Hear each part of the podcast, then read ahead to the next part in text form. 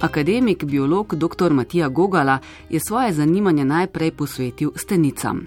Že kot dijak jih je preučeval, zbiral in študiral njihove vrste, kar je bilo pri 650-ih samo v Sloveniji precej obširno področje dela. Zanimala sta ga tudi žuželčija vid in sluh, pa vibracijska komunikacija. V začetku 90-ih let prejšnjega stoletja, ko je obiskal Tajsko in Malezijo, pa so ga začeli zanimati škržadi. Tam je tako velika raznolikost teh škržadov, pa tudi tako glasni so, da ne moreš mimo njih.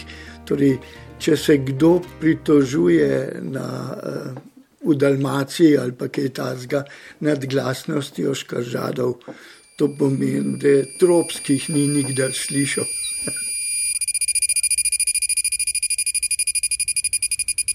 Če vas moti izraz, pravilne je res škržati, a profesor Gogala zagovarja izraz zapisan z D-jem.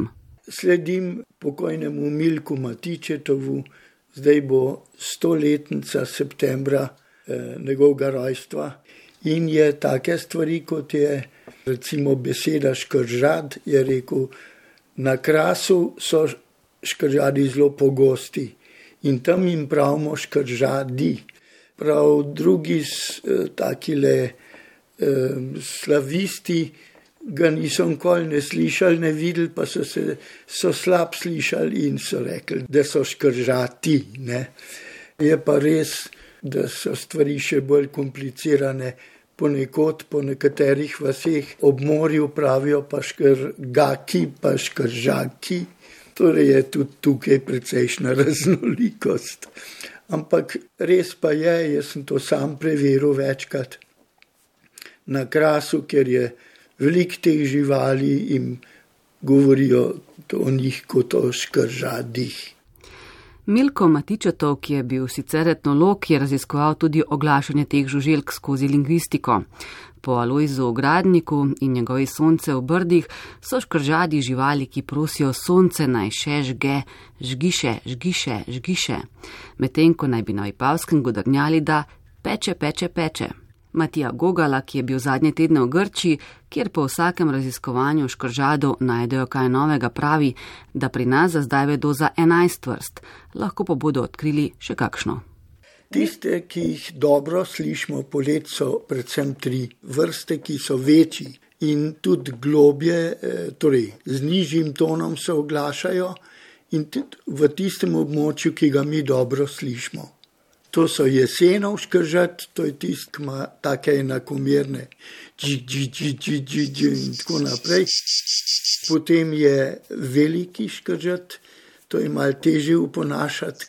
tako. Torej, dela cele dolge sekvence zvoka. E, in potem je ena vrsta krvavo rdečega škržada, ki ga je tudi opisal Skopoli v tej svoji knjigi. Ta ima pa rdeče žile na krilih, njegov zvok je pa samo v začetku malo zaniha, potem pa drži kakšnih 20-30 sekund, eh, enakomeren zvok, kar večinoma ljudje ne prepoznajo kot škržadov zvok, ampak je. Ne? In te trije se, saj junija, se bodo oglašali vse povsod ob morju pri nas, pa tudi ponekod, vsaj en, vsaj ta jesenov se bo, se ga sliši recimo na raznih koncih eh, bliz Sevnice, ob Savi, eh, na takih eh, osončenih krajih. Škržadi namreč zadnja leta niso več tipični le za obmorske kraje in kras, najdemo jih naprimer tudi v Ljubljanskem Tivoliju. Pojavljanje ljubljanskih škržadov to je že stalnica, bi lahko rekel, in je verjetno, da se priselijo z vlakom.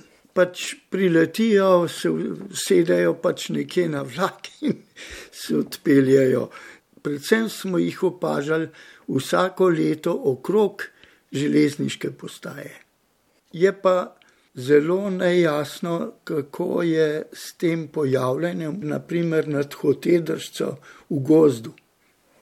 kako so tja prišli, ni ne vlaka, ne dobre ceste. Nekako so prišli tudi v te kraje, ampak nam ne povejo kako. Za razvoj teh živali je značilno, da stadi ličinke preživijo v zemlji.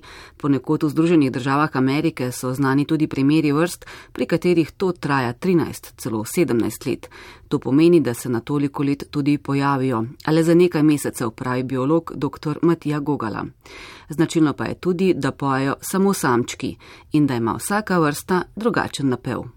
To je načeloma res, če govorimo o napevih. Ja samice pa oddajo vsaj nekatere vrste, ali pa celo bom rekel večina vrst, samo kratke poke skrili.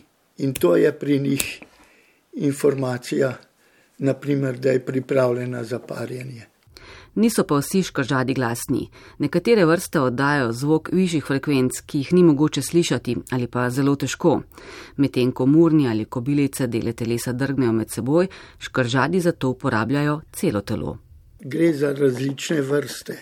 In nekatere, tako zvani gorski škržat, to je ena vrsta, ki jo je opisal leta 1772 Skopoli.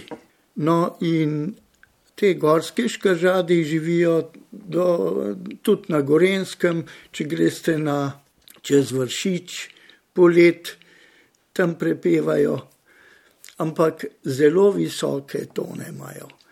In tega, recimo, jaz že ne slišim brez eh, nekih naprav, ker sem le čez 80. Zato uporabljamo tudi mlajši moji sodelavci uporabljamo netopirske detektorje. Netopiri se tudi oglašajo v ultrazvok in tele škržadi, mnoge vrste manjših škržadov se tudi zelo visoko oglašajo viso, z visokim tonom. Skopoli, ki je bil ob tem, da je bil rudniški zdravnik v Idriji, po okoliških gričih študiral rastline in žuželke, je skupaj objavil 21 knjig. V knjigi Entomologija karniolika, prvi monografiji o žuželkah in drugih členonožcih, je prvi zapisal tudi to, da se čebelja matica oplodi stroti izven panja ter opisal gorskega škržada. Mi smo šli v okolico Idrije, on je namreč navedel, da je v hribovitih predeljih okrog Idrije ga našel. In tam je res ena vrsta, samo, ki smo jo posneli in ujeli, in to je sedaj velja kot gorski škržat. In to najdemo, take živali najdemo od Velike Britanije. Tam je sicer očitno zadnja leta izumrl, pa jaz sem ga posnel tudi v Iranu, pa v Bolgariji, pa Grčiji, pa marsikje po, eh, praktično po celi Evropi, tudi do Skandinavije. Tako da to je zelo pogosta vrsta, ampak v hribih. Sicer pa se je škržadov vedno držalo nekaj skrivnostnega. Omenjeni so že v grški mitologiji, uporabljali so jih v ljudski medicini kot plačilno sredstvo, ponekod pa so še vedno znani od smrti.